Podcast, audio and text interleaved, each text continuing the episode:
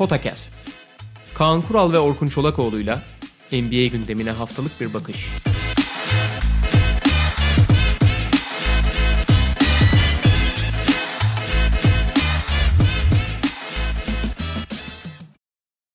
Merhaba, Potakest'e hoş geldiniz. Kaan Kural'la birlikte geçmiş draftları konuşmaya devam ediyoruz ve bugün karşımızda çok özel, klasikler arasına giren bir draft var. 2013 draft, ilk draftımız. Ya şey, e, yani konuşacağız detayını da gelmiş geçmiş hani tabii ki hep diyorlar işte 84, 96 ve 2003 en özel draftlardır diye. Onlar tabii kalitesi yüzünden öyle draftlar. Fakat gelmiş geçmiş en ilginç draft bu olabilir abi. Olabilir evet. Ee, ilginç kelimesinin altını çizmek Aynen, gerekiyor. Yani aynen. kötü falan demiyoruz. Mesela kötü draft diye baktığında 2000 draftı e, birçoklarına bırakmaz herhalde. Aklıma gelenler Muhtemelen, arasında muhtemelen. en azından. Ee, ama burada mesela çok kaliteli oyuncular da var ama epey aşağıdan geliyorlar ve o oyuncuların oluşturduğu küme de onların kesişim kümesi de işte Avrupalı olmaları falan ayrı bir e, ilginç noktasını yaratıyor draftın.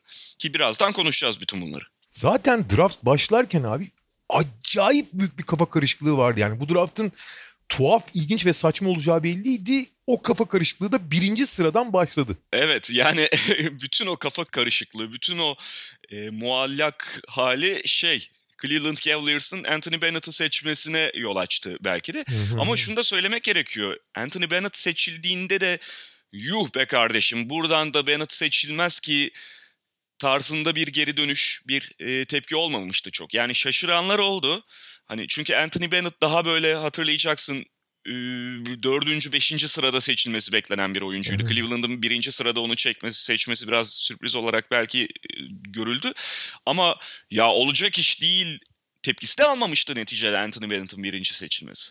Çünkü bu draftla ilgili olarak sorun oydu ki yani Anthony, e, Cleveland birinci sırada seçecekken hani hep diyoruz ya işte birinci sırasında net belli olduğu draftlar var. Mesela Anthony Davis bir önceki draftta falan olduğu gibi. Ya da iki isim var aralarında kalıyorlar. Biri öne çıkıyor, biri çok az farklı öne çıkıyor.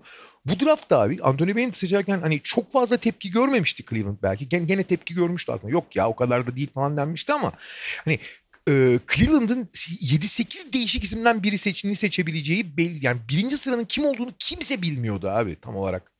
Yani hiç kimse öne çıkmıyordu. Çok büyük kafa karışıklığı vardı ve gidip bakın Cleveland yani seçebileceği opsiyonlar arasında belki de en e, başarısızını seçti. Ve gelmiş geçmiş herhalde en başarısız bir numara seçimi. Yani Kwame Brown, Olowokandi falan gibi bir, birkaç isim daha var ama işte Andrea Bargnani falan ama Bennett o ünvanı kimseye bırakmaz abi. Orada çok ufak bir şeyden e, detaydan da bahsedelim. Yani Cleveland belki şeyi seçebilirdi mesela sonradan bakınca özellikle neden Victor Oladipo'ya gitmediler şeklinde soruluyordu. Tabii Victor Oladipo'daki gelişimini de birazdan konuşacağız. Victor Oladipo da bugünkü halinde değildi belki ama Cleveland'ın elinde malum LeBron James'in ara olmadığı dönem, LeBron James'in gittiği dönem ve tekrar bir kadro kurmaya, yeniden yapılanmaya çalışıyorlar. 2011 ve 2012 draftlarında da şeyleri almışlardı. Kyrie Irving ve Dion Waiters'ı almıştı Cleveland Cavaliers. Dolayısıyla biraz daha front court'a yönelik bir seçim yapmak istiyorlardı. Bennett'a yönelten şeylerden bir tanesi de bu Cleveland'ı. Ama ondan sonrası Bennett zaten hani Bennett'ın kariyerini konuşmaya gerek var mı bilmiyorum. Yok abi yani hani bırak NBA'yi üst düzey herhangi bir ligde oynamasına imkan yok. Fenerbahçe'de de gördük yani. Evet. İki numara Victor Oladipo. e, Orlando Magic tarafından draft edildi. Yani Oladipo da sonuçta çok öne çıkan bir oyuncu değildi. Demin de dediğim gibi biraz geriye dönük bakıldığında Oladipo en azından baştaki oyuncular arasında tepeye çıkıyor ama Oladipo'nun ilk birkaç yıl, yılını gayet iyi hatırlıyoruz. NBA kariyeri içerisinde özellikle 3. 4. seneden sonra bir oyuncunun gösterdiği en ciddi gelişimlerden birini gösterdi Indiana'ya geldikten sonra Oladipo. Ama yani Orlando'da şeyde Oklahoma City'de hiçbir zaman bu seviyedeki oyuncu değildi. Hatta yani Bennett ölçeğinde olmasa da yine o diğer işte ikinci sıra lanetinin bir başka parçası kabul ediliyordu. Abi büyük patlak çıktı. Hiç yani hiçbir şey veremiyor. Herhangi bir takımın ana parçası asla olamaz falan deniyordu yani. Evet hatta Paul George takasında da insanlar şey Indiana'ya ya kardeşim ne kadar ucuza verdiniz Paul George'u tepkisi göstermişti. Kimse çünkü Oladipo'yu pek ciddiye almıyordu. E, Üçüncü sırada Otto Porter var. Washington Wizards tarafından seçildi. Yani Otto Porter'ın da kariyerinin büyük ölçüde beklentileri karşılayamadığını ya da tam olarak karşılayamadığını söyleyebiliriz ama şöyle bir şey de var. Washington Wizards o günkü ihtiyaçları doğrultusunda ve o günkü sıralarıyla önden seçilen oyunculara falan bakarsak fena bir seçim yapmadı burada. Çünkü zaten onların Otto Porter tipi bir oyuncuya ihtiyacı vardı. John Wall ve e, Bradley Beal'ın yanına eklemek üzere. E, üçüncü sıradan da onu aldılar. Ve yani üçüncü sıranın yüksek olduğu söylenebilir ama e, Otto Porter vaat ettiği pek çok şeyi de karşıladı be abi. Yani hani çok komple gerek hani bir, bir en ön yani lokomotif değil ama ikinci sırada ikinci sürükleyici olarak tamamlayıcı olarak e, birkaç pozisyon oynayabilen ve işte hep bahsettiğimiz kanatların değeri arttıkça Otto Porter da otomatikman değerine değer katan e, vaat ettiklerini verdi. Yani bu sezon sakat geçirdiği için tabii hatırlamıyoruz ama geçen sezon falan o pozisyonu, o rolü gayet kaldırıyordu. Evet üst düzey bir oyuncu veya bir takımın sürükleyicisi olmasını beklemiyorsun ama iyi bir takımın bir e, temel ana parçası olabilecek de bir oyuncu. Yani en azından üçüncü parça ya da dördüncü parça net olabilecek bir oyuncu. Evet. Dörtte Cody Zeller var. Yani şey hani iyi bir oyuncu Cody Zeller da tabii dördüncü sıra ne kadar draftın başı tuhaf olsa da dördüncü sıra Cody Zeller'a çok oturan bir sıra değil. Charlotte Bobcats'in e, hemen her draftta yaptığı biraz daha böyle NCAA kariyeri üzerinden kendince garantiye gitme şeyinin bir sonucu. E, Aynen. Cody Zeller. Tam tam bir Charlotte seçimi diyelim. Bu arada ben Zeller'ı aşırı severim. Yani hani hiç e, oyuncu seviyesinden bağımsız çok severim. Çünkü e, ya mesela Charlotte'ın o kolej temelli takıntısıyla e, kolejde belli bir başarıya ulaşmış oyuncuları e, ama yani bu yetenekleri çok NBA'ye transfer olmayacak oyuncuları çok yukarılardan seçmesi e, konusunda bir Kemba Walker büyük başarı. Bence Cody Zeller da başarı hikayesi. Şu açıdan başarı hikayesi abi. Ee, Cody Zeller abi ne alacağını çok biliyorsun tamam mı? Ve abi inanılmaz bir profesyonel. Yani her maç, her bir perdesinde aynı ciddiyet var. Yani kolejde ya da bir NBA final 7. maçında oynuyormuş gibi. Ha tavanı çok düşük olduğu için buradan tabii ki seçmemek gerekiyor. Ama mesela 27. sırada seçseydin süper dersin abi. Ama dördüncü sırada olunca olmuyor tabii. Aynen. 27. Bu draftın 27. sırasıyla değiştir mesela herkesin işine gelebilir değil. Gelmez abi 27. sıranın kim olduğuna bakmadın çünkü sen. Hayır e, bilerek söyledim abi onu. Herkesin Ha, işine pardon. gelir derken Utah'ın işine gelmez de yani hani o Doğru, günkü şeyiyle e, baktığında o gün Utah'ta şikayet Doğru doğru etmezdi. doğru haklısın doğru. Birazdan geleceğiz 27. sırayı bol bol konuşacağız. 5 Alex Len e, draftın en büyük patlaklarından biri oldu. Aynen öyle. Ki beklentilerin de oldukça yüksek olduğu bir isimdi. İşte hareketli, blokçu, e, şut atabiliyor falan filan deniyordu. Bunların hepsini yaptığı aslında ortaya çıktı da yeteri kadar yapamadığı ortaya çıktı. yani yapıyoruz abi de hani bir miktar yapıyoruz. sana ne lazım? Sana ne kadar lazım? Bu kadarı yetmez mi hocam? Yapıyoruz işte. Sonra bence aslında bu draft başlarken dediğim gibi hani çok büyük kafa karışıklığı vardı ama potansiyel olarak en yüksek potansiyel e, 6. sıra için, 6. sırada seçilen için, isim için gösteriliyordu aslında. Evet. Mesela bir, Ee, bir seçilebilir deniyordu Nerlens Noel için. Aynen öyle. Sakatlıktan Bak- sonra dahi. Ve ama tabii klasik sakatlık özellikle e, diz bağlarının kopması ve fiziğinin de çok zayıf olması ve bu sakatlığın onu daha çok etkileyebileceği endişeleri sebebiyle 6. sıraya kadar düştü. Yani net bir şekilde abi bu herif bir olurdu sakatlanmasıydı falan denmiyordu ama ya kimse yani kimse bu e, oyuncuların ilk 10'da seçilen en azından yani daha doğrusu lotaryada seçilen oyuncuların hiçbirinin potansiyelinden çok emin olmadıkları için en yüksek potansiyel olarak gösteriyordu Nerlens Noel. Ama şey söylediğini e, sakatlık sebebiyle ve fiziğin sebebiyle 6. sıraya kadar kaldı ve kim kaptı abi? Tabii ki Philadelphia kaptı yani. E, daha önce kaldı ki kadrosunda 2 senedir şey Cahil Okafor ve şey olmasına rağmen Joel Embiid yatırımları yapılmasına pardon Joel Embiid'i bundan sonra seçti özür dilerim. Yani o belli yatırımları yapmasına rağmen Nerlens Noel'i abi sakat olsun hiç önemli değil bekleriz vesaire diye seçtiler ki bunun örnekleri bir sürü oluyor. Daha sonra Ben Simmons'a da aynı yatırım yapılıyor. Şeye de aynı yatırım yapılıyor. Hiç umurlarında değil. Yani çok uzun vadeli düşünüyordu Philadelphia. Ee, tabii şeyi de söyleyelim. Aslında hak New Orleans Pelicans'a aitti ama Philadelphia ciddi de bir asetini vererek o hakkı elde etti. Drew Holiday'i verdiler çünkü New Orleans'a. Bu arada pardon e, düzelteyim. Okor 2015 seçimi. Bundan sonra seçmişler. E- evet evet evet.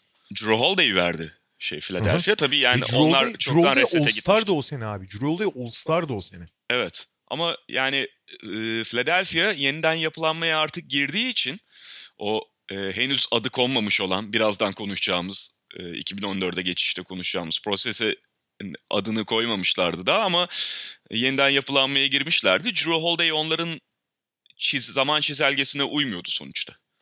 Ve e, yani işte Michael Carter şey e, Williams dahil olmak üzere ellerinde değerli olan her şeyi uzun vadeli yatırım için veriyorlardı. İşte daha sonra işte Noel varken Embiid, e, Okafor'u falan seçmekten de çekinmiyorlardı. En potansiyelli oyuncuları seçme e, serüveni, proses serüveni burada başlamıştı. Evet. Yani Nerlens Noel'in kariyeri de ondan sonra hani e, sakatlıktan kurtuldu ama Nerlens Noel kendi hıyarlıkları da çok oldu. Onu da söylemek çok gerekiyor. Abi, çok, Fakat çok, çok. kendisi de çok talihsiz durumların içinde kaldı. Yani o konuda hakkını vermek gerekiyor. Mesela işte Philadelphia'nın gerçekten genç bir oyuncu için özellikle genç bir uzun için içinde yetişilmesi hiç kolay olmayan ortamında ilk yıllarını geçirmek durumunda kaldı. Senin de söylediğin gibi yani tam böyle sakatlıktan kurtuldu oynamaya başlayacak üstüne bir pivot daha geldi. İşte Embiid'i bu arada saymıyorum. İlk gelen Embiid'ti belki şey olarak ama Embiid ilk iki senesinde malum oynayamadı. Sonra Okafor geldi. E zaten takım çok tuhaf yapılı bir takım. E, Noel tipi bir uzun için özellikle çok iyi bir takım değil. Çünkü o biraz gardına bağımlı oynuyor. E, sonra kendi hıyarlıkları oldu vesaire. Abi Dallas'ta yani Dallas'ın o kontrat teklifini reddetmesi... Aynen. E, yani sonuçta kendisine çok inandığını gösteriyor bir taraftan. Bir taraftan da abi deli misin diye. Yani Dallas'ın 40 milyon dolar mıydı o teklif? 40 milyon dolar teklifini reddedip minimum oynamak zorunda kaldı. Ama bu sene iyi geçirdi. Bu sene evet. e, bir kontrat alabilir. Ha mid level'ın üstünde olacağını zannetmiyorum ama bu sene iyi geçirdi Oklahoma'da. Kesin. Yani şey oldu hatta bu sene. Biraz böyle e, o bütün o kendi hıyarlıklarından sonra falan underrated hale gelmişti. Bu sene hafif radar altından da giderek gayet iyi bir sezon geçiriyordu. 7 yine çok hani bu konularda kötü şöhretli bir takım tarafından yapılan Ben McLemore seçimi. Sacramento Kings'in seçimi Ben McLemore. Çok bahsetmeye gerek yok ama burada şeyi göreceğiz abi. Bir, bir süre sonra da Kentavius Caldwell Pop seçildi Detroit'ten. Abi e, ilk 8 sıraya baktığın zaman evet bu draftta e, kafa karışıklığı vardı ama şeyin ne kadar yükselişe geçtiğini görüyorsun. Yani basketbol dünyasının nasıl değiştiğini görüyorsun. Artık hani uzun olsun çamurdan olsun diye ilk sıralara her tür uzunu doldurmak yerine e, kanat olsun çamur. Triendi'nin yükseliş dönemi bu işte iyiden iyiye. Tri, ay, kanat olsun çamurdan olsun diye ya Ben McLemore ve Kendrick Louis kesinlikle değerli oyunculardı. Muhtemelen yukarıdan seçildi ama onların artık yani şöyle aynı liste 10 yıl önce drafta gitseydi muhtemelen McLemore'la Candace Bogo 5-6 sıra arkalarda işte uzunlar biraz daha yukarılarda olacak değil mi? Steven Adams'lar falan filan. Ama işte 2010 3'e geldiğimiz zaman artık onların yavaş yavaş yukarı çıktığını, uzunların ise yavaş yavaş gene çok yavaş ama yavaş yavaş düşmeye başladığını görüyoruz. Yani McLemore'la Caldwell Pop hakkında çok söyleyeceğimiz bir şey yok. Hala ligdeler ama hani katkıları işte Harden'ın yanında, LeBron'un yanında belli katkıları olabiliyor. Yani aslında o şeyi karşılıyorlar Triendi'yi şeyini. Ama tek başlarına hani daha önemli bir role çıkarmaya kalkarsan hiçbir şekilde verim veremezler. Yani bir de Kentavius Caldwell Pop benim hayatımda gördüğüm en istikrarsız oyunculardan biri. O abi ya bence de NBA tarihinin en muazzam anlarından biridir o şey e, ayak kilidiyle maça çıktığı dönem var. abi ya inanılmaz ya. Hani bil, yani çoğu insan biliyordur ama bilmeyenler için hatırlatalım. 20 e, günlük bir hapis cezası almış. Ne ne yüzünden almıştı cezayı? Trafik miydi? Abi eee Dur hemen şey, Valla çok karıştı ya. Alkol falan değildi galiba. Şey olabilir ya. Kız arkadaşına şiddet gibi bir şey olabilir ama. 25 günmüş bu arada pardon. Neymiş hemen bakalım.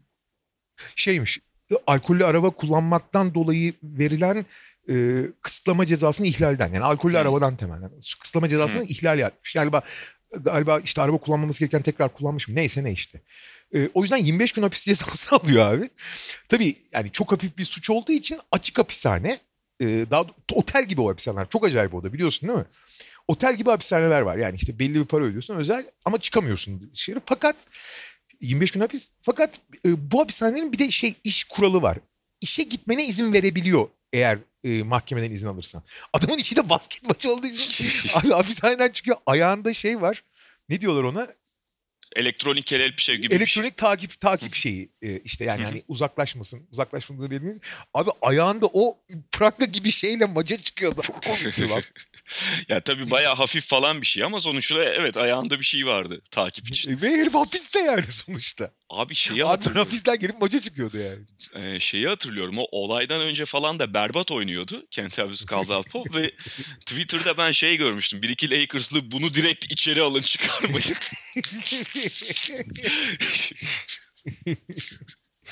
Ee, sonra Minnesota'nın bitmez bitmek bilmeyen oyun kurucu sevdasından bir seçim daha.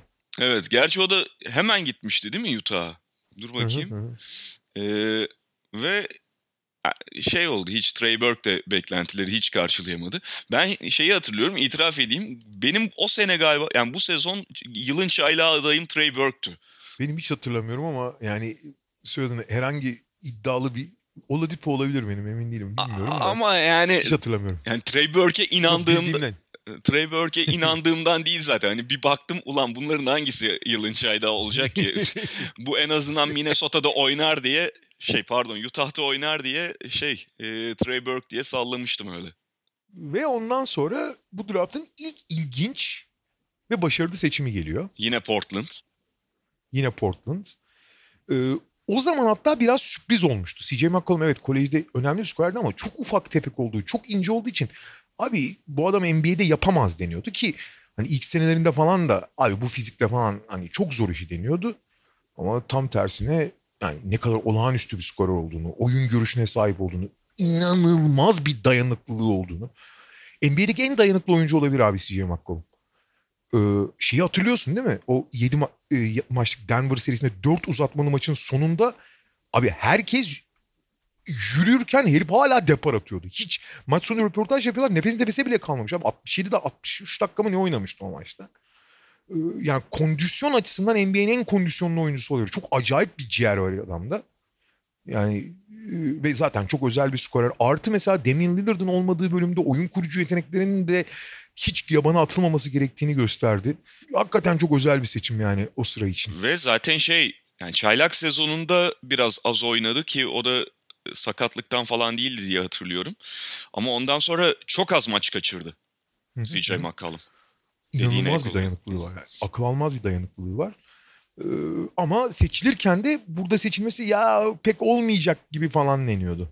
Ee, Valla şeye benziyor birçok bakımdan. Lillard seçimine benziyor işte. Bahsettiğin şeylerin ötesinde hani sonuçta çok yüksek profil bir okuldan gelmiyor ve şey e, okulda 4 yıl geçirmiş durumdaydı. Şey çok acayip ya. Ee, hani şu yaptığımız draft hikayesine bakıyorsun.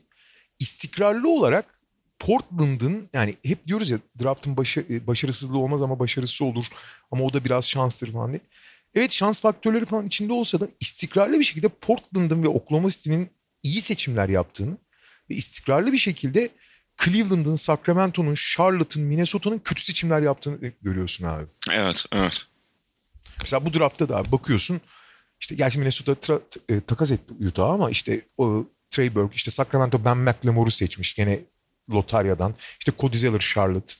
Cleveland Anthony Bennett falan. Hani diğer tarafta Portland CJ McCollum birazdan gözü Oklahoma City Steven Adams'ı seçecek falan. Çok acayip yani.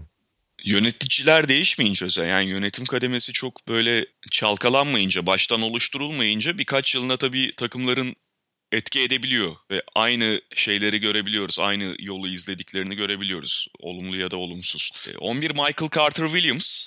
O da belki bugün çok üzerine konuşulması e, gerekmeyen bir oyuncu gibi gözükse de o günün ve bu draftın en öne çıkan seçimlerinden oldu. Bir kere yılın çaylağı seçildi zaten Michael Carter Williams. Abi kariyeri bu kadar tepeden başlayıp düşen ikinci bir oyuncu olmaz. Yani yılın çaylağı olduktan sonra her sene düştü. Gerçi son iki senede biraz daha toparladı abi. Ee, yani o düşüşten sonra artık e, en azından iyi bir yedinci adam, altıncı adam falan olabilecek konuma geldi. Çünkü bir- en büyük sorun neydi abi? Hani şut atamıyor sonuç itibariyle. Ee, ve ondan onun eksikleri başka şeyler yol açıyordu ama şimdi çok az da olsa şut atabilmeye başladığı gibi diğer yeteneklerini de efektif kullanmayı öğrendikçe artık son iki senede tekrar iyi bir parçaya tabii ki deta- yan parçaya dönüştü. Ama abi yılın çaylağı seçilmişti. Yılın çaylağı seçildikten sonra her sene geriye gitti. Son iki sene tekrar toparlandı dedik. Esas abi yani tepede başlamanın zirvesi budur. Abi adamın kariyerin ilk maçında yaptığı istatistikleri hatırlıyor musun? Abi onu söyleyecektim. İlk maçı kime karşı oynadığını söyle ilk olarak. İlk maçı abi Philadelphia'ya karşı. Hayır şey, Pardon, şey, e, Miami e, Heat'e karşı. Miami Heat'e karşı özür dilerim. Miami Heat'e karşı ve 2013 Miami Heat'e karşı yani. Abi istatistiklerini söylüyorum. İlk maç 22 sayı, 7 rebound, 12 asist, 9 top çalma. Neredeyse quadruple double yapacak. Evet abi. 9 top çalma rek- çaylak rekoru bu arada. Evet. Yani bütün NBA'in çaylak rekoru tarihinin. Ve maçı da kazanıyorlar. Oradan sonra her şey geriye gitti abi. Tam bir Benjamin Button ya. Yani oyun Aynen. anlamında. Ve bir de şey var yani senin söylediğin gibi o şutunu hiçbir zaman geliştiremedi.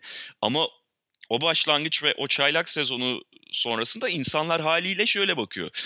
Yani bu adamın en zayıf noktası, oyununun en gelişime e, muhtaç yan- yanlarından bir tanesi şutu. Ama şut zaten daha gelişim ihtimali olan bir şey oyunda ve herif bu kadar iyiyken oyunun diğer yönlerinde tamam şutu da geliştirir al sana gayet iyi bir oyuncu kabulüyle bakıyordu insanlar. Bu da çok yanlış bir düşünce değildi. E, sorun şu ki şutu hiçbir zaman gel- geliştiremedi ve geliştiremedikçe oyununa, özgüvenine falan da e, çok olumsuz yansıdığını gördük bunun. Hemen arkasından yine Oklahoma City'nin çok başarılı bir seçimi. 12. sıradan Steven Adams'ı aldılar. Yani Steven Adams hala e, gerçi hafif demode kalmaya başlayan uzunlardan biri ama e, eğer etrafında şütör olmayan oyuncu yoksa çok sağlam, çok iyi bir 5 numara opsiyonu halen. NBA'nin en kuvvetli oyuncularından biri. Yani abi ayağı yani Steven Adams'ı kıpırdatmak NBA'nin en zor işi olabilir ya. Kıpırdamıyor abi adam. Yani Hı. ayakları yere bastığı zaman. Ki yani core denen o çekirdek kas konusunda açık ara çok önemli. Bir de klasik abi işte şey hikayesi var ya. 17 kardeşin en küçüğü. Ailenin ailedeki erkeklerin boy ortalaması 2.02 kadınların boy ortalaması 1.98. Ablalarından biri de işte Yeni Zelandalı iki kere olimpiyat şampiyonu gülleci evet. Valerie Adams. Yani çok acayip bir aile zaten. Sonra İyi genlerden geliyor. çok. Sonra Lotarya'nın son iki sırası yani Lotarya bitene kadar Kelly Olynyk ve Şabaz Muhammed hani, hani işte ortalama yedeğin yedi işte 8. 9. adam olarak. Kelly Olynyk tabii dışarıdan da atabildiği için e, draft edildiği güne göre biraz daha değerli şimdi ama yani hiçbir zaman yani 10 12 dakikalık bir oyuncu dışında ya belli roller dışında çok oynatabileceğim bir oyuncu değil. Şabaz Muhammed potansiyel gösteriyordu ama o potansiyele yaklaşamadı bile.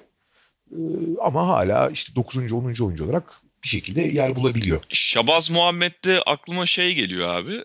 Yani lisedeyken böyle çok büyük oyuncu olarak e, daha doğrusu Aa bundan büyük oyuncu olacak diye bakılan oyunculardan biriydi. Ondan sonra lisedeki son sezonu işte kolejdeki tek sezonu falan iyi geçmedi. Ee, UCLA'de okumuştu o da. Biraz şeye benzetiyorum belli bakımlardan. O.J. Mayo'ya ve onu da Minnesota seçti. Yani O.J. Mayo'yu gerçi Memphis'e göndermişlerdi de. Şabaz Muhammed'i de böyle belki ulan biz bunu adama veririz diye seçtiler. Bir iki tane iyi istatistikli sezonu da var da o iyi istatistiklerle oynadığı dönemde bile biliyorsun. Yani tamamen takımdan kopuk halde o istatistiğini yapıp zaman zaman iyi oynuyor gözüküp ondan sonra çok galibiyete falan etkisi olmadan e, maçı tamamlardı Muhammed. Ve lotaryadan sonra lotarya bittikten sonra 15. seçime geliyoruz. Ve çok acayip bir şey oluyor. Yani Antetokounmpo. Yani tabii yıllar sonra bu adam nasıl seçildi, Yunanistan'da onu izlerken Milwaukee ekibi neler düşünüyordu falan hikayeleri çok anlatıldı, yazıldı, çizildi Antetokounmpo hakkında ama elbette o gün bakıldığında bugün yaptıklarının yarısı bile beklenmiyordu Antetokounmpo'dan. Şöyle potansiyeli olduğunu pek çok kişi biliyordu. Hatta abi bu potansiyele yatırım yapılır mı deniyordu ama çok inceydi abi. Çok inceydi. Hani şimdi o yani atlet olduğu biliniyordu ama şimdiki o muazzam kuvvetli anormal momentumlu oyuncuya benzemiyordu. Yani ne olacağını kestirmek evet e, atlet uzun vesaire denirken yani hani şutu gelişir mi falan diye konuşuyordu. Şutu hala gelişmedi abi. Sonuçta başka bir oyuncuya dönüştü ama Evet. hani potansiyel olduğu biliniyordu ama potansiyelin ne kadar olduğu ve neye dönüşeceği bilinmediği için hani şimdi mesela şeyler çıkıyor iddialar işte ya biz 5. sırada olsa bizi 5'te seçmeyi düşünüyorduk falan diyenler var. Olabilir. Yani ge- haklı da olabilirler. Yani sonradan geriye bakarak bu ıı, çıkar şeyi yani sallıyor olmayabilirler. Ama gerçekten yani on, zaten 15. sırada seçildiği için hani potansiyel biliniyordu ama kimse o potansiyelin bunun çeyir yani şu anki olduğunun yarısı olacağını bile ihtimal vermemiştir. Tabii ki yani bir de şey var hani 5. E, sıradan seçerdik falan bu draftta evet gerçek olabilir. Çünkü bugün e, bu noktaya kadar konuştuğumuz oyuncular ortada zaten. Sonuçta bir risk alabilir ve tamamen potansiyele yönelik seçim yapabilirsin ama Antetokounmpo'nun ne olacağı konusunda yani kimse tabii ki bugünün yakınına bile yaklaşamazdı o gün yaptığı öngörüyle. Ee, sonra abi ilk turun sonuna kadar birkaç ilginç isim var. Çoğu ama boş. Mesela e, hemen aksine Lucas Nogueira geliniyordu. Ondan da işte bir potansiyel görülüyordu ama ona yaklaşamadı bile. Sonra Dennis Schroeder var abi. Dennis Schroeder tabii çok ilginç bir seçim. Yani birçok şeyi verip birçok şeyi götüren türde bir oyuncu. Atlanta'da yani müthiş bir delici. Ki e, şu anda basketbol adına en büyük değerlerden biri fark, fark yaratan özelliklerden biri delicilik. Çünkü abi savunmalar artık o kadar, o kadar sofistike ki e, savunmadan bir avantaj almadan e, yani bütün hücum şeye dayalı abi. Savunmadan ufak bir avantaj alıp onu sonuca dönüştürmeye çalışıyorsun. Yani bir şey set üzerinden çok az şey üretilebiliyor artık. Üretiliyor ama yani şey değil. Önemli olan o küçük avantajları yakalamak. Ve delicilikten daha büyük avantaj yok. Deniz Schroeder'in bu özelliği belki de NBA'deki en değerli 2-3 tane şeyden biri. E, yaratımdan biri. Fakat abi bundan geri kalanlar büyük problem. Bir kere zaten çok problemli bir karakter. E, çok çatışmacı bir karakter. Kafa gidiyor biliyorsun şeye Almanya e, All Star arasında Almanya'ya gitti tatil gibi değil küçük bir ara diye dönmedi. Geç kaldı falan ki hani yani futbolda falan zaman zaman diyoruz ama NBA'de olacak iş değil o yani. Zamanda işe gelmiyorsun abi. Abi gelirim falan diyorsun yani maç kaçırıyorsun yani. E diğer tarafta sürekli tartışıyor. Sağ görüşü çok düşük inanılmaz düşük. O yüzden deliyor ama deldikten sonra yakaladığı avantajı sonuca dönüştürmek konusunda çok problem yaşıyor alfa olmaya çalışıyor ki Alman bir takımda alfalık da yapıyor. Yani 25 falan atıyor ama o alfalığı taşıyabilecek bir e, birleştiriciliği ne teknik anlamda ne psikolojik anlamda yok. E, nitekim açık ara en başarılı sezonunu bütün yapamadığı şeyleri Chris Paul'e devrettiği bu sezon gösterdi Deniz Schroeder. Hı hı. Yani e, kariyerinin başında ona çizilen şeylerin biraz dışına çıktı ve bir yedek skorere dönüştü. Çünkü kariyerinin başında onun bir e, temel temelde skorer falan olması beklenmiyordu. Daha oynatıcı tarzda yani skorla oynatmayı kaynattığı bir tarz ortaya çıkarması bekleniyordu ama işte oynatma yönünde hep biraz eksik kaldı. Karar verme, etrafını senin söylediğin gibi birleştirme yönünde hep beklentilerin altında kaldı Schroeder. Ve çok ufak tepek olduğu için zaten büyük problem hani fiziksel olarak. Ee, o yüzden ama mesela o fiziğinden dolayı bir numaradan abi bir numarayla alakası yok Deniz Şureder'in. Deniz Şureder işte ancak ve ancak iki numara yani iki numara derken artık bir iki o kadar ayırmamak lazım ama hani topu yönlendiren değil delen oyuncu olacak. Deldikten sonra ne yapacağına diğerleri karar verecek. O yüzden zaten Chris Paul'un yanında çok daha başarılı. Evet. Ee, ve onun hemen arkasından aslında Şureder'e pek bazı açılardan benzeyen yine deliciliğiyle çok büyük fark yaratan ama e, NBA'de bir türlü onu çok gösteremeyen bizim için şu anda çok özel bir yer olan Shane Larkin var. Avrupa'nın en iyi oyuncusu. Shane Larkin. Ya Shane Larkin de bu arada biliyorsun e, kolej kariyeriyle dikkat çekmiş, Miami'deki performanslarıyla dikkat çekmiş bir oyuncuydu. Fakat yani NBA'ye geçişte zaten problemler yaşaması bekleniyordu. Bir kere NBA için çok kısa olduğu için en başta. İşte Dallas tarafından seçildi. Yani hak oradan oraya giderek Dallas'ın eline geçmişti. Dallas'la lige giriş yaptı. Ama yani o beklenen problemler zaten NBA kariyeri boyunca hep Larkin'i aşağıya çeken, geriye çeken ve işte Avrupa'daki etkisinin yakınına bile gelememesine sebep olan şeydi.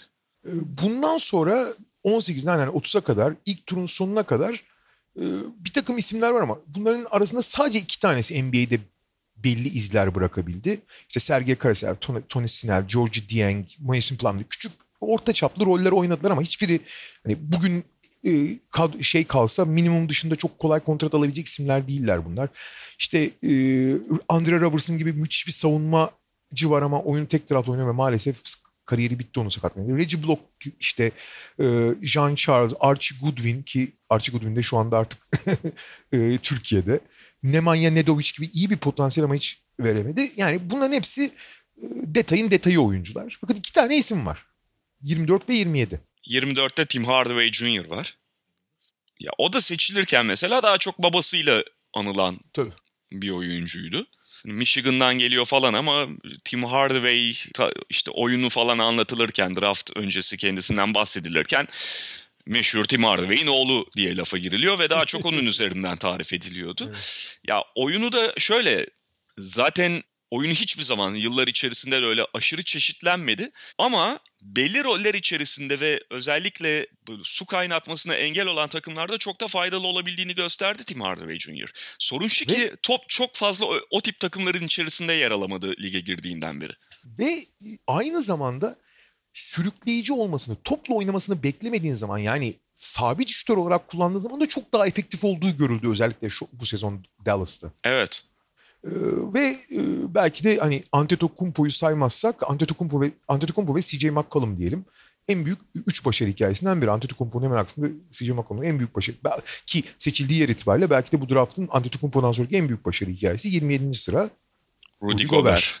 Hak Denver'ın da Utah'a takas edilmişti ve yani Utah'ın Utah zaten çok iyi yönetilen takımlardan biri onlardı. Ee, ama herhalde kendi içlerindeki en büyük başarı belki de son 10 yılda falan. Ama tabii ki 27. sıradan seçildiği için bunu anlamak zor değil ama aynı Antetokounmpo gibi hani böyle bu, şu anki halinin yarısı olacağı bile çok tahmin edilmiyordu. Çok uzun ve iyi e, blok e, ve çember savunma içgüdüleri olduğu biliniyordu ama çok zayıftı, çok sakardı. Yani zaten bu abi U18 Fransa milli takımında bir hali var. Böyle gözlüklü mözlüklü inek yani tam inek tiplemesi elinden topu düşürüyor falan. İnanılmaz sakar ki hatırlayacaksın kariyerinin ilk 2-3 senesinde de o sakarlıktan yani şu anki koordinasyonu şu anki fiziğine falan alakası yoktu. Acayip sakardı yani. Rudy Gobert. Çay... İnanılmaz bir gelişim. İnanılmaz bir gelişim gösterdi. Tabii çaylak sezonu özellikle hiç oynayamıyor. Yani hiç oynuyor da e, bugünkü haliyle falan alakası yok. İşte istatistiklere bakarsan 2.3 sayı, 3.4 rebound, maç başına 9.6. Tam yani arada bir hadi sen de oyna yapıp e, sezonun yarısında da G Lig'e falan gönderdikleri bir sezon. İkinci sezondan itibaren bir şeyler göstermeye başladı. Yalnız Utah'ın şu konuda da hakkını vermek gerekiyor. Rudy Gobert gelişimi gösterince e, ha tamam bundan bir şey olacak kararını da erken vermeyi ve ona biraz daha yolu açmayı başardılar. Şimdi onu biliyorsun bazı takımlar sonuçta o kararı veremiyor ya da Tabii vermekte ki. gecikebiliyor. Hatırlayalım e, Rudy Gobert'den bir şeyler görmeye başladığında Utah Enes Kanter'i takas etti. Anladım. E, o da önemli virajlardan biri Rudy Gobert'in kariyerinde. Ve ikinci tur şöyle söyleyeceğim gelmiş geçmiş en zayıf ikinci tur olabilir bu. Yani çok e, tabii zaten ikinci turdan beklentin belli ama arada bir tane mi doğru düzgün oyun çıkmaz abi. Yani en dikkat çekici oyuncular Alan Krabby ile Mike Muscala öyle söyleyeyim yani. Şey gibi Avrupa ligleri draftı gibi olmuş zaten ikinci tur. Aynen. Yani e, Alan Krabby ikinci turun ilk seçimi zaten. E, onun dışında işte hani saymaya bile gerek yok. Klasik abi yatırım yapılan Avrupalılar var. İşte e, Marko Todorovic var. O Bilirsin Karadağlı oyuncu hani potansiyeli yüksek gözüküyordu. İşte e, Geoffrey Lovern var şu anda Fenerbahçe'de oynayan. İşte Boyan Dubljevic, Yanis Timma falan var ama yani bu ikinci turdan hani bir tane bile e, yani ilk 7 kişilik rotasyona yani belki belki Alan Krabby girer yani. Hani iyi bir takımda ilk 7 kişilik rotasyona girecek bir tane bile oyuncu çıkmadı yani. Yok. Ee, hakikaten ya. Abrines'ten bir ara şey bekleniyordu sadece biliyorsun. Yani NBA'de tutunması bekleniyordu. İşte zaten ilk seçildiğinden ha bu bir süre gelmez falan deniyordu ama e, o da hiçbir zaman o istikrarı gösteremediği gibi zaten sonra başka problemler de yaşadı malum ve tekrar Avrupa'ya da döndü. Ama söylediğin gibi genel olarak en büyük, en patlak ikinci lig, ikinci turlardan biri bu. Çok da konuşmaya gerek yok. Bir sonraki draftımıza geçebiliriz hatta. Geçebiliriz. Bugün biraz uzun sürecek ama geçelim. Şey yani bunu çok fazla 2013'ü biraz diğerlerine göre kısa tutmuş olduk ikinci turdan bir şey çıkmayınca. 2014 ile devam edelim. 2014 e, özellikle ilk 10 sırası falan o 10-15 civarı ilginç bir draft yine. Ama sağlam da bir draft. Ben yani e, şöyle çok e, tepesi yani hani mesela bir Antetokounmpo bir Gober Mober yok ama baştan aşağı yani ilk turun sonuna kadar falan yani çok sağlam parçalar var draft boyunca. Ben şunu hatırlatayım Kaan abi.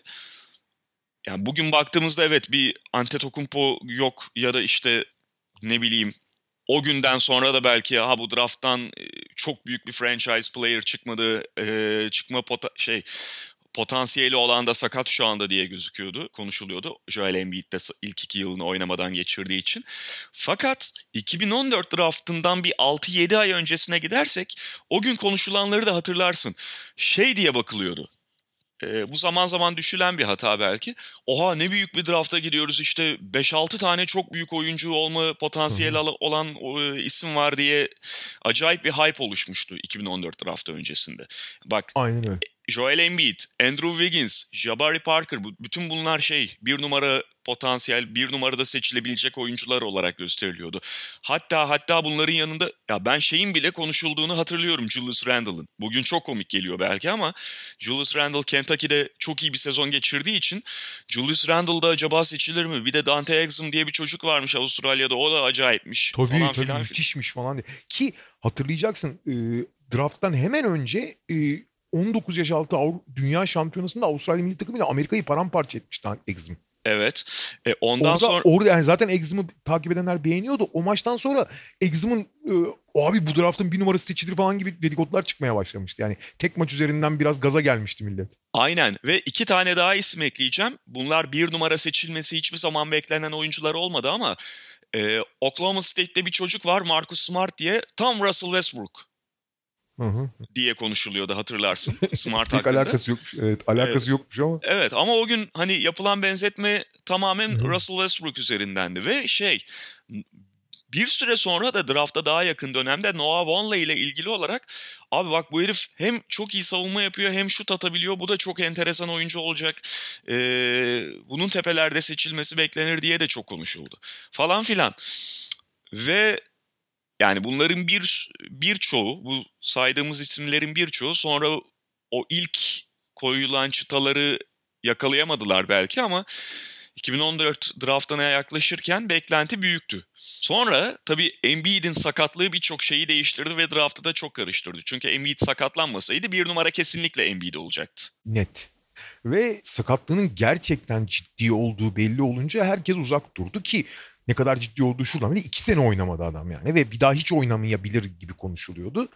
Ama dediğimiz gibi Philadelphia o riski hiç düşünmediği için bir sene önce Nerlens Noel'de yaptığı gibi ya elimizde Nerlens Noel var onu bir sene bekledik bunun ne kadar oynayacağı belli belki oynayacağı belli değil demedi. İşte proses mantığıyla abi en önemli oyuncu bu tutarsa tutar tutmazsa olsun deyip Embiid'i 3'te seçti ama ilk iki sırada yine hani Embiid kadar olması da çok büyük potansiyel ve gerçekten bir numarayı hak eden takımı sürükleyebilecek denen iki isim üzerinde yoğunlaşılıyordu. İlk sırada Andrew Wiggins seçildi. Ee, şey Minnesota şey, pardon Cleveland tarafından ama tabii LeBron takasından sonra anında yani drafttan sonra gerçi e, LeBron Cleveland'a dönmeye karar verince Wiggins Love karşılığında Minnesota'ya gitti. Yani çaylak sezonunu Minnesota'da oynadı. Ee, yani anlatmaya gerek yok Wiggins'i. Hani potansiyeli gerçekten olağanüstü. Hani şöyle birebir baktığın zaman yapabildiklerine vesaire süper ama yani e, ben onunla ilgili bir şey diyorum abi. Wiggins basketbolu çok sevmiyor. Sadece çok yetenekli. Ve onun sonuçlarını da görüyoruz yani. Hani oyundan düşüyor, devamlılığı düşük, kendi geliştirme olanmışlığı düşük. Ee, ne bileyim ısrarla potaya gitmek yerine orta mesafeden Ay, iki tane de şuradan atayım diyor. Yani odaklanmıyor falan filan. Ee, ve işte görüyorsun zaten hani eksi negatif bir kontrat olarak e, duruyor hani potansiyeli ne kadar olsa bile. Ama tabii e, onun yeri yani belki de bir numara seçilebilecek diğer oyuncuyla kıyaslandığı zaman fersah fersah önde. Jabari Parker ama doğru ama işte Jabari Parker'ın da e, çok ağır iki sakatlık geçirdiğini söylemek gerekiyor. Yani o sakatlıklar olmasaydı Jabari Parker belki bugüne kadar gösterdiği en üst noktanın çok ötesine gitmeyecekti ayrı konu ama maalesef o iki sakatlıkta kendisini kritik yerlerde geriye çekti. Ya çekti çekmesine de abi yani şunu resmi bir demeç olarak veren bir oyuncuyla mesela bir, diyorum yani Wiggins basketbolu sevmiyor. Sadece yetenekli o yüzden de bir yere kadar gidiyor. Ama öyle oyuncuyla çalışmazsın abi yani çünkü o zaten takımın genel havasını da çok aşağı çeker. Anlatabiliyor muyum? Kendisini çektiği gibi. Fakat Jabari'ninki daha kötü abi. Jabari ciddi ciddi şey diyor ya. İşte bir gün basın toplantısı sırasında işte savunmasıyla hani savunmada çok adam kaçıyorsun hani Abicim burası NBA burada sayı atına para Savunma yapına para verildiği nerede görülmüş dedi abi. Ve e, ben şeyi hatır bu hangi seneydi onu hatırlamıyorum da ikinci sakatlığından gelişte falan olabilir. Bir Milwaukee Boston maçında Milwaukee tabii ki bugünkü seviyesinde değil. O seride acayip konsantre savunma yapmıştı kendine göre. Ama tabii yani on, onlar hiçbir zaman uzun soluklu olmadı. Sadece şey ulan savunma yapmam gerekiyor. Kendime dakika bulmam, yer açmam gerekiyor e, mecburiyetiyle forma aslanın ağzında diye yapmıştı. Yani halbuki kendisini biraz böyle doğru kanalize edebilse, yeteneklerine ihanet etmese iki yönlü bir oyuncu da olabilirdi Jabari Parker. Ve modern bir dört numara olurdu yani. Üç sonra, Embiid, sonra bahsettik zaten. Şey, yani bu, bu draftın bir numaralı oyuncusu. Draftı izleyenler hatırlayacaktır evinin salonundan ayağı alçılı şeyini. Draft yayında katılmasını. Philadelphia onun ilk sene oynayamayacağını biliyordu. Yani e, ikinci sene oynayamayacağı sonra ortaya çıktı tabii ama beklemeye karar verdiler. Ki sonrasında zaten e, bunun karşılığını verdi Embiid. 4 Aaron Gordon. Buradan itibaren biraz daha böyle karışık hal yani ilk 3 sırada o ya da bu dizilişle Wiggins, Parker, Embiid'in gideceği bekleniyordu zaten ama 4'ten itibaren iyice karışıyordu. Embiid kesin değildi yani yani her çok şüpheli arkadaşlar Philadelphia cesur olduğu için seçti Embiid'i. Aaron Gordon hani şu anki Aaron Gordon işte yani muazzam fizik her şey var yani un, yağ, şeker var. Ama biraz Andrew Wiggins gibi. Onunki Andrew Wiggins'inki biraz hani isteksizlik, miskinlik var. Aaron Gordon'ınki de şey abi e, bazı öyle sporcular var tamam mı? Her şeyi yapabiliyor ama bunları nasıl bir araya getireceğini bilmiyorlar. Yani ne zaman penetre edeceğini, ne zaman şut atacağını seçmek. Ne zaman hani yakın savunacağını, ne kadar uzakta duracağını. Yani e, şey gibi abi e, vardır ya bazı öğrenciler vardı. Onun bir adı var. Bilimsel bir adı var. Yani zeka olarak hiçbir problemi yok. Ama mesela toplama çıkarma yapamıyor. O işlem şey olmuyor. Bir türlü toparlayamıyor onları mesela kafada. Anlatabiliyor muyum? Hı hı. Aaron Gordon da öyle abi. Hani ne yap ne, her şeyi yapabiliyor ama neyi ne zaman yapacağını hiç bilmiyor. Ve hala da öyle maalesef. Ve onun NBA kariyerinde de iki büyük talihsizliği oldu bence. Yani birincisi hiçbir zaman işte bu senin söylediğin problemlerini onun adına düzeltebilecek, onun adına işleri kolaylaştırabilecek iyi bir oyun kurucuyla, gerçek anlamda iyi bir oyun kurucuyla hiç oynamadı Aaron Gordon geldiğinden beri lige. Ve, ve şütör bir takımda hiç oynamadı. Evet, evet.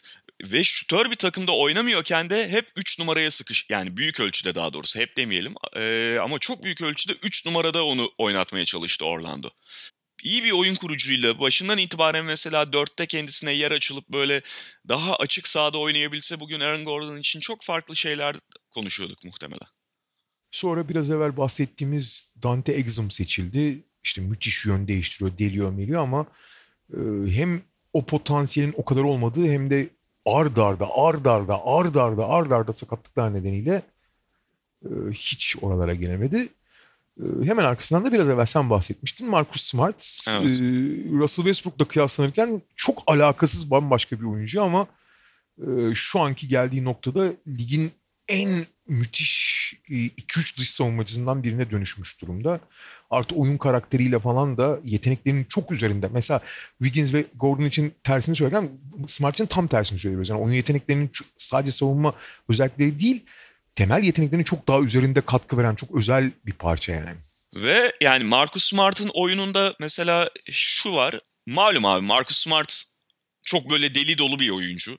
Çok kötü kararlar verebiliyor ve abi of. Başka bir oyuncu mesela e, onun yaptıklarını yapsa koçu delirtebilecekken her ne kadar Brad Stevens sakin mizaçlı bir koç olsa da yani o, o kadar tolerans tanınmayabilecekken başka bir oyuncuya Marcus Smart'a o özgürlüğü veriyor. Çünkü başka yerlerden kattığı artıları almak istiyor ve biliyor ki Marcus Smart'ın biraz o hataları yapmaya ihtiyacı var. O özgürlüğü de vermek gerekiyor Marcus Smart'a. Ve şey de var abi oyun tarzı işte NBA'ye gelirken hakkında söylenen bir takım şeyler falan. Marcus Smart biraz böyle hakikaten şey kafasının dikine giden problem ol- olabilecek bir oyuncu olarak yansıtılıyordu. Ki çok sakin bir oyuncu da değil belki ama sonradan herifi NBA'de izlerken gördüm ki çok güzel bir karakter abi Marcus Smart. Çok çok. Ya, O tarafını Yani- bilmiyordum yani sonuçta e, kolejde bazı oyuncuların o e, karakterini, insani tarafını okuyamayabiliyoruz. Yeterince gözlemleyemeyebiliyoruz ama Marcus Smart NBA'nin en güzel insan karakterlerinden biri. Abi çok büyük manyak ama sadece oyunla ilgili manyak. Oyun dışında Evet. sıfıra yakın manyak. Yani oyunun etkilediği bazen adrenalin çok yükseldiği için bazen e, belli hırçınlıklar gösterebiliyor ama e, o tamamen o adrenalinin biraz etkili. Abi saha dışında veya basketbol dışındaki konularda bi- bi- bireysel ilişkilerinde falan hakikaten çok güzel adam ya. Ve bunun ayrımını yapmak çok kolay. Yani sahada o kadar agresif ve o kadar patlayıcı olup o kadar inatçı, o kadar hırslı olup da bunun karakterine yani basketbol dışındaki karakterine yansımaması çok çok çok çok nadirdir abi. Aynen öyle. Ve ya sonuçta NBA'de işte böyle çok fazla güzel karakter falan görüyoruz. Öne de çıkarılıyor. NBA'in en iyi yaptığı şeylerden biri ama gerçek anlamda böyle çok içten sadece kamera önünde değil, kamera önünde değilken de şey insanlara sürekli e, hayatının kesiştiği insanlara samimi anlamda böyle dokunmaya çalışan oyunculardan biri Marcus Smart. Bir de ben onu mesela Lamar Odom'da çok görmüştüm geçmişte. Aslında Boston'ın öyle çok büyük bir şansı var abi. Şimdi Jalen Brown da öyle bir adam çok büyük entelektüel zaten Jalen Brown. E keza Kemba öyle abi. Şu anda yeni kadrodan bahsediyorum. E Gordon Hayward zaten acayip iyi bir herif yani.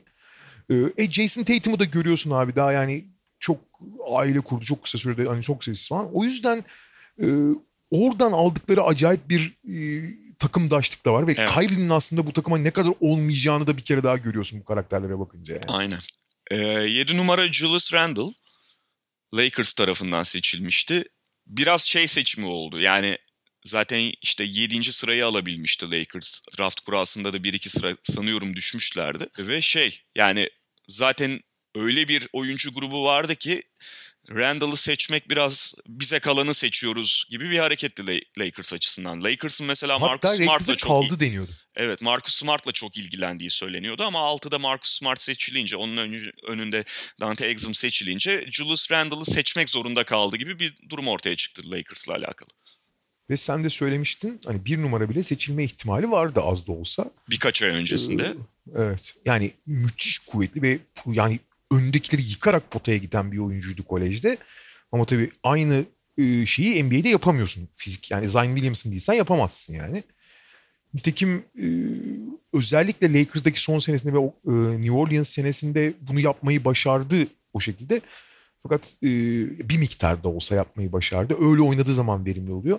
Ama tabii bu müthiş bir efor ve müthiş bir odaklanma gerektirdiği için New York'ta bu sene gördük. Kontrat da aldıktan sonra hani babacığım kim şimdi boğuşmakla potaya dikine gidip çarpışmakla uğraşacak deyip bol bol şut atmaya başlayınca yararından çok daha fazla zararı olmaya başladığını da görüyoruz. Ve Jabari Parker'a benzer bir şekilde o da hep oyununun hücum tarafına odaklandı ve savunmada Tabii kendisini hiç yani yormama demeyelim ama hiçbir zaman hücuma olduğu kadar e, savunmaya konsantre olmadı Julius Randle. Abi klasik Hasan Whiteside ya. 3 blok yapıp 11 rebound aldığı zaman çok iyi savunma yaptığını zannediyor. Halbuki ligin en kötü savunmacılarından biri yani. evet. Hiç pozisyon hiç pozisyon takip etmiyor çünkü. Ha 8'de Nick Stauskas var. Yine Sacramento Sacramento, Kings. başarısı. Ama bu Sacramento'nun e, bütün o saçma yönetim kararları arasında bile çok özel bir yere sahip. Çünkü bir de Ve- sonrası var bunun. Sonrası da var abi. Yani draftta seçildikten sonrası da çok korkunç ya. Evet. Ya bir kere şimdi hani Nick Stauskas'ın öyle ya da böyle ilk turda ilk ne bileyim 15-20 arasında gitmesi zaten bekleniyordu. 8'den gitmesi belki biraz yüksekti. Şimdi birincisi onu seçiyorlar. Ne kadar ihtiyaçları var apayrı bir konu. O günkü kadro yapısıyla falan Stauskas'a ne kadar Sacramento'nun ihtiyacı var ayrı bir konu. Stauskas'la ne koy, e, gördüler ikinci bir konu. Ve bir sene sonrasında da gönderiyorlar Stauskas'ı.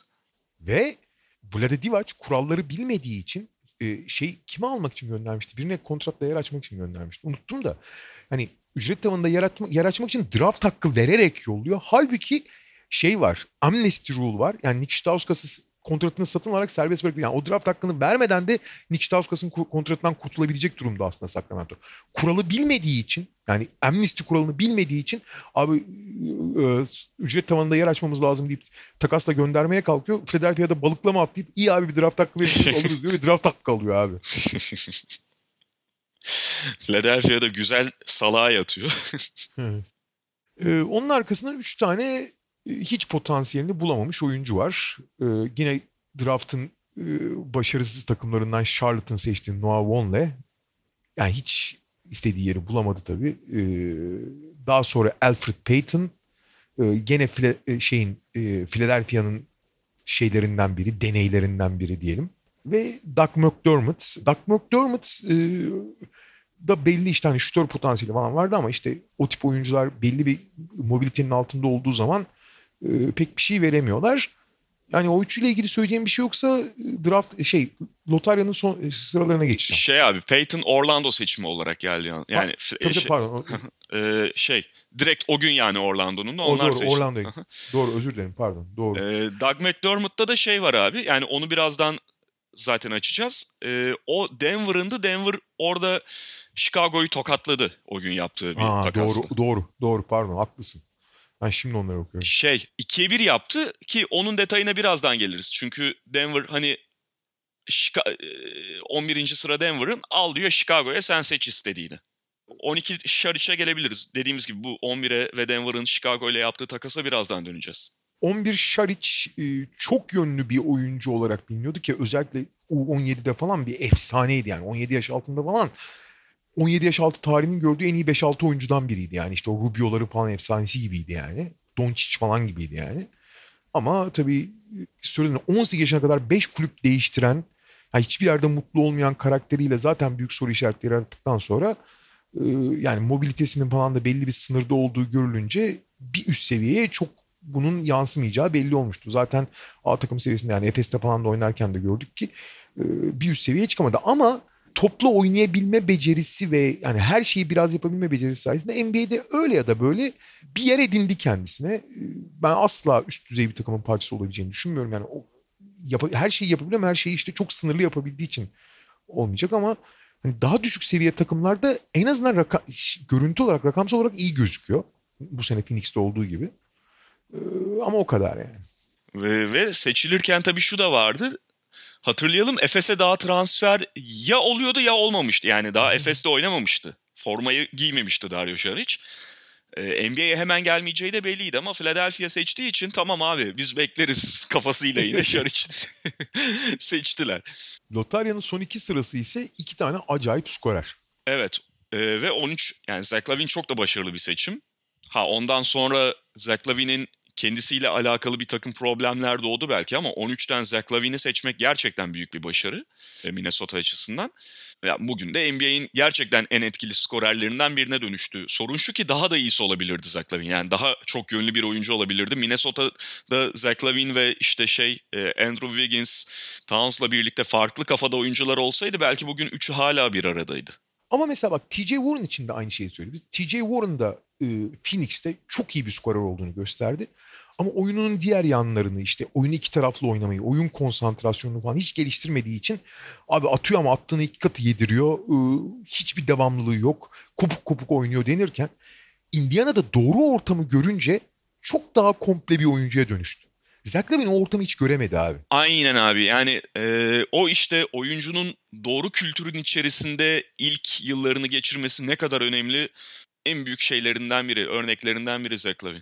Arka arkaya seçildikleri için çok paralel örnekler abi. Tabii ki aynı oyuncu değiller. Warren çok daha kalıplı malıplı. Zach Lavine gelmiş geçmiş en büyük atletlerden biri ki zaten smaç yarışması. Onu ama orta mesafe dış şutu falan da ekledikten sonra çok komple bir skorer. Hatta hani NBA'nin en iyi 4-5 skorerinden birine dönüşmüş durumda Lavine. Ama ne devamlılığı var ne şeyi var, konsantrasyonu var, ne iki taraflı oynaması var. E şey diyorsun ha bak mesela Warren Phoenix'te Minnesota'da yani Lavine'in yaşadığından daha beter bir ortamdan geldi. Ama hemen adapte olabildi. Lavine abi Minnesota'dan gitti Chicago'da gene saçma sapan kendi koçuyla kavga eden falan bir ortamda. Yani hiçbir zaman öyle bir yani kariyerin başında olma, olması ideal çözüm ama kariyerin başında olmasa bile sonradan e, bunu edinebilirsin. Lavine'in öyle bir şansı olmadı. Sonradan da gene saçma sapan bir yere gitti yani. Evet, evet. Ve şey de oldu tabii yani biraz yetenekleriyle falan da alakalı. Chicago'ya gitti tamam buranın kralı ben olacağım kafasıyla gitti. Orada da kendisini işte ben skorerim diğer pis işleri diğerleri yapsın. Benim yapacağım şey belli. Herkes benim elime bakacak. Bu kral zihniyetle ol- hep. Kral olduğunda Bangladeş'in kralı olsan ne olur abi? Onu ama yeni yeni anlıyor. Geçen gün bir demeci vardı gördün mü? Baba nihayet fark etmiş. Ee, önemli olanın takımı kazandırmak olduğunu farkına vardım gibi tuhaf bir demeç verdi. NBA, NBA'deki 7. sezonumda fark ettim ki NBA'deki 6. sezonum biterken fark ettim ki maç kazanmak önemli.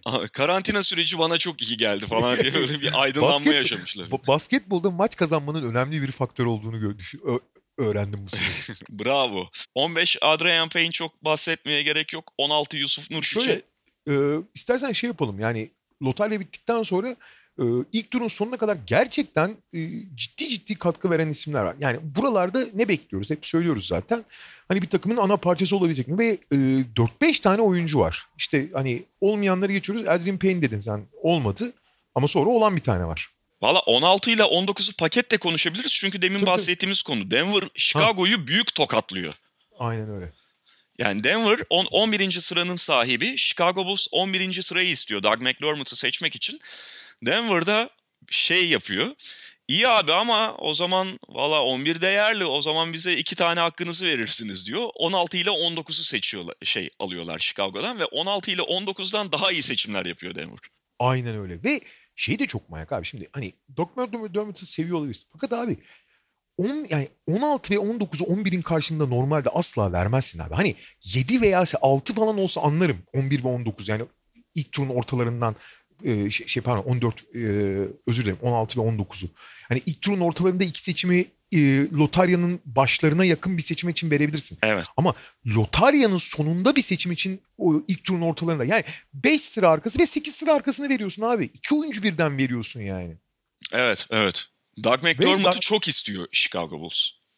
Ama abi atıyorum 16 e, bir de ikinci tur hakkı versen vermeyecek mi? Ya da bir şey daha versen vermeyecek mi? Yani hem 16 hem 19'u verdiğin zaman ne oluyor? Bir de Denver abi. Mesela Denver'da özellikle bu dönemden sonra e, gene Uhir'in ilk dönemleri bunlar galiba e, ya da ki şey dönemleri acayip seçimler yapıyor ki diğer draftlarda da göreceğiz. 16 ve 19'dan abi Yusuf Nurkic ile Gary Harris seçiyor. Evet. Ki yani Yusuf Nurkic'in e, ne kadar önemli bir uzuna dönüştüğünü falan hani sakatlanma sakatlanana kadar kaldı ki e, şey e, olduğunu da gördük. Yani oynarken de Denver'da da gayet iyi iş yapıyordu.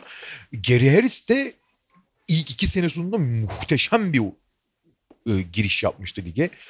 Zaten hala çok iyi bir savunmacı. Bence fiziği yeterli olmasa da çok iyi birebir de asla kolay kolay geçilmiyor, yenilmiyor. Potaya gidebiliyor. Belli bir şutu var. Ama maalesef e, o ilk iki senede gösterdiği potansiyelin üzerine hiç koyamadı. Özellikle şutu da e, biraz düştü nedense onu çözemedik ama e, o sıçramayı yapamasa da e, ilk iki senesinde abi inanılmaz seçim diye bahsettiriyordu kendinden. Ya müthiş bir draft günü operasyonu gerçekten. Aynen. Aşağıya inip istediği oyuncuları daha iyi oyuncular alıp 11. sırayı elden çıkararak bunu halletmek acayip bir başarı Denver adına. Ya aşağı... James Young, Tyler Ennis, Bruno Caboclo, Mitch Matchgary, e, Jordan Adams bunlardan bahsetmeye gerek yok bence. Yok 23 Rodney Hood bu yine evet. güzel bir seçim. Maalesef NBA kariyerinde başladığı noktanın ilerisine gidemedi hatta biraz gerisine belki gitti ya da orada takıldı. Sonra da işte bu sezonda sakatlanmıştı Rodney Hood ama lige geldiğinde özellikle seçildiği sırayla da kıyaslanırsa çok çok iyi bir seçimdi Rodney Hood. Ve abi yani oyuncu özelliklerine bakarsan işte fizikli, şut atabilen, az da olsa toplu oynayabilen bir kanat. En çok istenen pozisyon ve bunu ne kadar yaptığına bakarsan abi gerçekten All-Star sınırında All-Star potansiyeli yani iyi bir gelişim süreci geçirse All-Star potansiyeli olan bir oyuncu olarak görüyordu ama onda da çok büyük devamlılık sorunları, çok büyük konsantrasyon sorunları vardı. Abi bir çeyrek 15 atıp ikinci çeyrekte hiç ortalıkta gözükmeyen, iki maç oynayıp bir maç gözükmeyen bir oyuncuydu. Onu hiç toparlayamadı. Sonra işte Portland'da tam biraz daha iyi bir ortamda devamlık sağlamaya çalışırken maalesef e, Aşil gitti. Evet. 24 Shabazz Napier hani oyuncu olarak belki çok uzun konuşmamıza gerek yok ama hatırlayanlar vardır. Şey çok ilginç Shabazz Napier ile ilgili.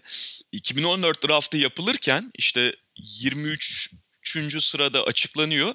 O sırada LeBron James ki o gün Miami Heat'in oyuncusu 2014 yazı yalnız altını çiziyoruz yani takım değiştirecek. Şey tweet attı hatırlıyor musun? Ee, o Şabaz Napier seçilmedi bizimkiler kaçırmasa iyi olur ha falan diye böyle. Abi Miami Şabaz Napier'ı seçti. 15-20 gün sonra LeBron Gitti Cleveland'a. Şabaz iyi topçu bak size hediye ettim. Aynen. Şabaz Napier de ondan sonra hani Miami'de bir, bir sene, Orlando'da bir sene, onda bu bir sene, bunda bir sene öyle oradan oraya dolaşmaya başladı. 25 Sonra müthiş bir seçim. Daryl Morey'nin en büyük başarılarından biri var. Evet, Clint Capella. Üstüne üstlük o sırada şey e, takımda Dwight Howard var abi. Aynen, aynen. Dwight Howard varken Capella'ya yöneliyorlar ve çok da olumlu bir seçim oluyor yani. Ya Clint Capella'yı o gün onlar da seçerken yedek pivot olarak projekte etmişlerdir yani yıllar boyunca belki ama tabii ya oyuncunun gelişimi ayrı bir konu fakat müthiş başarılı bir seçim. 27'de Bogdan Bogdanovic var. O da Tabii- çok çok iyi bir seçim. Ee, yani 2014'teki Bogdanovic bugünkünden çok fa- farklı. Belki ilk ya- şey 6 yaş gruplarında falan evet e, kendisinden beklentiler büyüktü ama 2014 yılında zaten 27. sırada seçilmesi de onu biraz gösteriyor. 2014 yılında Bogdanovic'in bugünkü oyuncuya dönüşmesi beklenmiyordu. O yaz işte Fenerbahçe'ye geldi ve e, Ve Fenerbahçe'deki ilk iki yılında da öyle e, muazzam işler yapmadı. Üç, e, üçüncü sezonuyla birlikte müthiş patladı Bogdanovic. evet aşağıya doğru geldiğimizde İlk turun sonuna kadar başka bir e, işte CJ Wilcox, John Hustis ve Kyle Anderson çok önemli bir fark yaratmadılar. Ama bir şey söylemeyeceksin herhalde. yok yok Fakat abi biraz evvel demiştik ki 2013 NBA'nin en zayıf ikinci turu olabilir diye. 2014'te abi NBA'nin en güçlü ikinci turlarından biri. En güçlü demeyelim de güçlü, bayağı güçlü bir ikinci tur. başlayalım. Başlayalım. Yani ilk dikkat çeken oyuncu 33. sıra Joe Harris. Hep yayınlarda söyleriz Kaan abi. Yani sonuçta Joe Harris mesela e, seçildikten sonraki birkaç sezonunda hiç öyle iz bırakan bir oyuncu değildi NBA'de. Hatta hatta yani her an NBA'in dışında kalabilir, her an yolu Avrupa'ya da düşebilirdi Joe Harris'in. Ama Joe Harris lige girdikten sonra hatta lige girmesinin ardından 4-5 yıl geçtikten sonra en ciddi gelişim gösteren oyunculardan biri.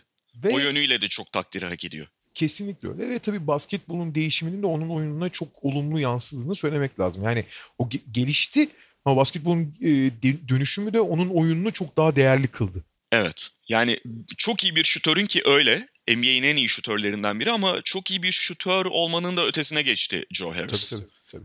Az da olsa toplu oynayabildiği, e, savunmada en azından pozisyon öğrendi vesaire. E, fiziğini kullanmayı öğrendi daha doğrusu. Asla ayakları yetmez ama fiziğini kullanmayı öğrendi falan.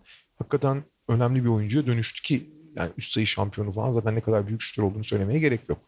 38 Spencer Dinwiddie senin en sevdiğin oyunculardan biri. Yine birkaç sezonu geride kaldıktan sonra büyük patlamasını yapan oyunculardan biri ve yine o patlamayı da Brooklyn'de yaptı. Yani Joe Harris'le yolları bu anlamda kesişiyor. Yalnız abi Dinwiddie'nin mesela geçen programda Detroit'in yaptığı bazı hatalardan bahsediyorduk ya. Dinwiddie'den de galiba orada bahsetmiş miydik hatırlamıyorum ama burada tekrar e, gündeme getirebiliriz. Dinwiddie'nin Detroit tarafından yeterince değerlendirilmemesi de ve Chicago tarafından da bir hata bence.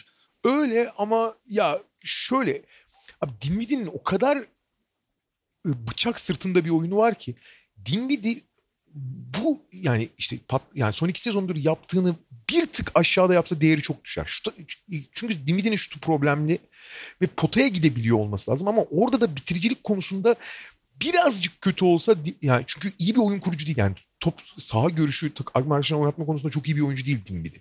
Tepeden potaya giden türde bir oyuncu ve işte aslında çok e, belli şeyleri yapan oyuncu ve onları hep sınırda yapan oyuncu olduğu için iyi yaptığı zaman muhteşem. Tamam hani hiç tartışılmaz yani. Hani çok önemli oyuncu. Ama işte e, onu bi- biraz eksik yaptığı yerlerde de o fırsatları tam bulamıyordu. Verdiğin zaman da hem kendisi hem takımına zarar veriyordu. Ama o eşiği açtıktan sonra da çok acayip bir oyuncuya dönüştü yani. 39'da Jeremy Grant var. Ee, o da ge- yani bu aslında ikinci tur tabii biraz do- doğası gereği geç açılan oyunculardan kurulu. Yani erken açılacak olsalardı zaten ilk turda göz, göze çarpmış olurlardı yani. Tabii. Ee, Jeremy Grant de işte Philadelphia seçimi ama Philadelphia'da hemen hemen hiçbir şey yapamazken daha sonra kariyeri inanılmaz büyük çıkış gösteren ve çok e, işte Oklahoma'ya gittikten sonra ki Oklahoma'da onu bedavaya almıştı abi neredeyse. 4-5 pozisyon savunabilen özellikle geçen sene eklediği şutunu bu sene daha da artıran Denver'da acayip de şut, soktu son dönemde. Acayip yani en aranan türde oyuncuya dönüştü abi. 3-4 pozisyon savunabiliyorsun, şut sokuyorsun az da olsa topla oynayabiliyorsun. Yani bu bu bu combo her takımın sahip ol hem 4-5 tane birden sahip olmak isteyeceği türde oyuncu yani. Evet. Yani şutunu geliştirmesi çok kritik oldu ama işte Tabii. Philadelphia'da bir de hep sıkışık alanlarda oynamaya çalışıyordu. Biraz Thunder'da yerini de bulmuş oldu o anlamda. Ee, hemen yani Spencer Dinwiddie, Jeremy Grant hemen arkasından Glenn Robinson seçildi. O da bence hani 40. sıra seçim için gayet iyi bir seçim. Yani bir takımın 8. 9. olabilir ama tabii ki bu draftın en büyük hikayesi herhalde 41. Nikola Jokic. Ee, yani onun da hikayesini tekrar tekrar anlatmaya gerek yok belki ama zaten seçilirken Nikola Jokic epey farklı bir oyuncu. Tabii tabii. Ya bir kere... Şişko olan yani. Evet şeyde oynuyor işte. E, Mega Basket'te oynuyor. Şeyin Raznadovic'in oyuncu parlatma takımı kendi takımı ve fizik olarak falan da yani yok hiç sonuçta hiçbir zaman atletik bir oyuncu olmadı, ince bir oyuncu olmadı ama o dönem hiç NBA fiziğinde, NBA kondisyonuna yaklaşabilecek e, görüntüde değil. Ya Marc Gasol'ün mesela NBA'ye gelmeden önceki halinin bile ötesinde bir yok hiç vardı ki zaten o günlerdeki fotoğraflarını falan çoğu kişi görmüştür diye tahmin ediyorum. Abi zaten İngilizce'de chubby diye bir laf var abi. Tombişe falan çevrilir belki Türkçesi. Yani tombiş diye bahsediliyordu ya. Ki öyleydi de yani. Evet ve ama ama sonra ıı, yani ben bu sene itibariyle hani elmas kategorisine aldım onu yani. NBA'in en büyük fark yaratan 8 oyuncusundan biri benim gözümde şu anda yani. Kesinlikle. Ya olağanüstü yani o boyda bir oyuncunun öyle bir oyun görüşüne, tekniğine falan sahip olması hakikaten e, sihir gibi bir şey yani. Ve tamamen kendi temposunda oynayarak yani. evet abi evet. Başkasının te- yani tempoyu ayak uydurarak değil, tempoyu kendisine ayak Bildiği gibi oynayarak. Aynen. Ama siz takılın ne istiyorsanız oynayın. Hani ben kendi oyunumu oynar ve o kendi oyunumu oynayarak da etkimi yaratırım, ortaya koyarım diyor yok hiç. Ama burada da mesela Denver'a tabii ki seçim sırası itibariyle çok aşırı da prim vermemek lazım. O da bir kumar, bir deneme. Ki nitekim abi yok hiç biliyorsun. Daha e, biraz biraz forma girmeye başlayıp biraz biraz kendini gösterdiğinde bile Nurk için arkasında yedek tutuyorlardı adamı yani. Evet ya da şey de mesela yani bir süre ikisini birlikte oynatmaya çalıştılar. Vazgeçemediler o. E, Yusuf Nurkic'ten. Ama bir, bir yere kadar gitti. Yani sonra Nikola Jokic'in 5 numara oynaması gerektiğini, orayı Nurkic'le falan tıkamamaları gerektiğini anladılar biraz geç de olsa. İkinci turda iki tane daha bence dikkat çekici oyuncu var. 45 ve 46'da arka arkaya seçilen. Evet Dwight Powell ki o da yani ilk yıllarında öyle çok da dikkat çeken bir oyuncu değildi zaten. Hani hiçbir zaman da çok büyük yıldız olmadı ayrı konu ama. Ama çok sağlam net bir parça oldu potaya. Çok iyi devrilen oyun konsantrasyonu, anormal yüksek, e, müthiş bir pota dibinde bitiriciliği olan, fiziğine oranla olağanüstü bir bitiriciliği olan. Evet diğer özellikleri sınırlı olsa da bunlar sayesinde verimli olan ki Doncic gibi bir pick and roll partneri bulduktan sonra verimini daha da arttıran ama maalesef geçen senenin sonunda o da aşilini kopardığı için kariyeri büyük soru işaretine dönen Powell ve hemen arkasından da Jordan Clarkson. Evet, e, Jordan Clarkson'ı Lakers Washington'a para vererek almıştı. O detayı söyleyelim. Yani hak zaten Washington Wizards'ın hakkıydı ve Lakers Clarkson'ı izliyormuş, almak istiyordu. Karşılığında başka bir draft hakkı falan vermediler. Nakit para karşılığında o hakkı ikinci tur hakkını elde ettiler ve hani Jordan Clarkson ondan sonra oyuncu olarak noksanları falan belki özellikle son yıllarda daha fazla konuşulur oldu ama 46. sıra için gayet başarılı bir seçim. Ve her zaman kenardan gelip bir skorer oldu. Evet sonra ıı, eksikleri belki biraz daha öne çıktı ıı, şey yaptıktan sonra ama özellikle bu sezon bence o eksiklerini kapatma yolunda yani kenardan girerim dünya umurumda olmaz. 1'e 9 oynarım, topu potaya atarım. Jamal Crawford'ın daha bencili olurum falan yaparken hani bu bir kısmen yapıyordu. Sayı attığı için de iyi lan hadi girsin iki tane şut atsın bari falan deniyordu ama takımın bütün ahengini falan bozup savunmada da en büyük handikap olunca acayip de top kaybedince artık zarar vermeye başlamıştı. Ama bu sene e, özellikle mesela Utah'a gelmesi de ona çok yaradı abi. Bence Cleveland'da da iyi bir sezon geçiriyordu ayrı konu ama e, Utah'la birlikte evet yani bir disiplinli bir takımın iyi bir parçasına dönüştü demek çok zor. Ama yaptıklarını takım içinde ve takıma e, daha yararlı yapmayı büyük oranda öğrendi Jordan Clarkson. Yani çok ciddi bir zihinsel olgunlaşma geçirdi. Evet, evet. Ya işte bu tip oyuncular için Utah gibi düzenli ortamlarda oynamak çok değerli oluyor ve yani oyuncunun imajını da etkiliyor. Sonra başka önemli isim yok. Klasik işte Avrupa'dan bir sürü e, şey var. Kumar var. Vasilya Mitsic var mesela gene Efesli. Seçildi bu. Alessandro Gentile, Nemanja Dangubic. falan gibi e, Avrupa'dan seçip hani eğer bir gelişme gösterirlerse NBA alırız diye yapılan seçimler var ondan sonra da. Evet. E, tabii yani ne kadar mümkün olur bilmiyorum ama Mitsi için de hala defter kapanmış değil bu arada. Yok yok ben ben Mitsi için yani oyunun NBA'ye çok da uygun olduğunu düşünüyorum. Evet yani tamam belki hani belli bir yaşa geldi işte 26 yaşında Mitsic ama fark etmez abi. Bu konuşmayı mesela 3 yıl sonra yapıyor olsak ya da bir daha yapsak 2014 draftına baktığımızda NBA'ye gel, gelip faydalı olmuş bir oyuncu olarak ikinci turda seçilenler arasında Vasily Mitsic'in de adını sayabiliriz. Onun arkasında ama şu anda konuşmamız gerektiren biri yok diyoruz ve bugünlük bu kadar diyoruz. 2013 ve 2014 draftlarını konuştuk. Tekrar görüşmek üzere. Hoşçakalın. Hoşçakalın.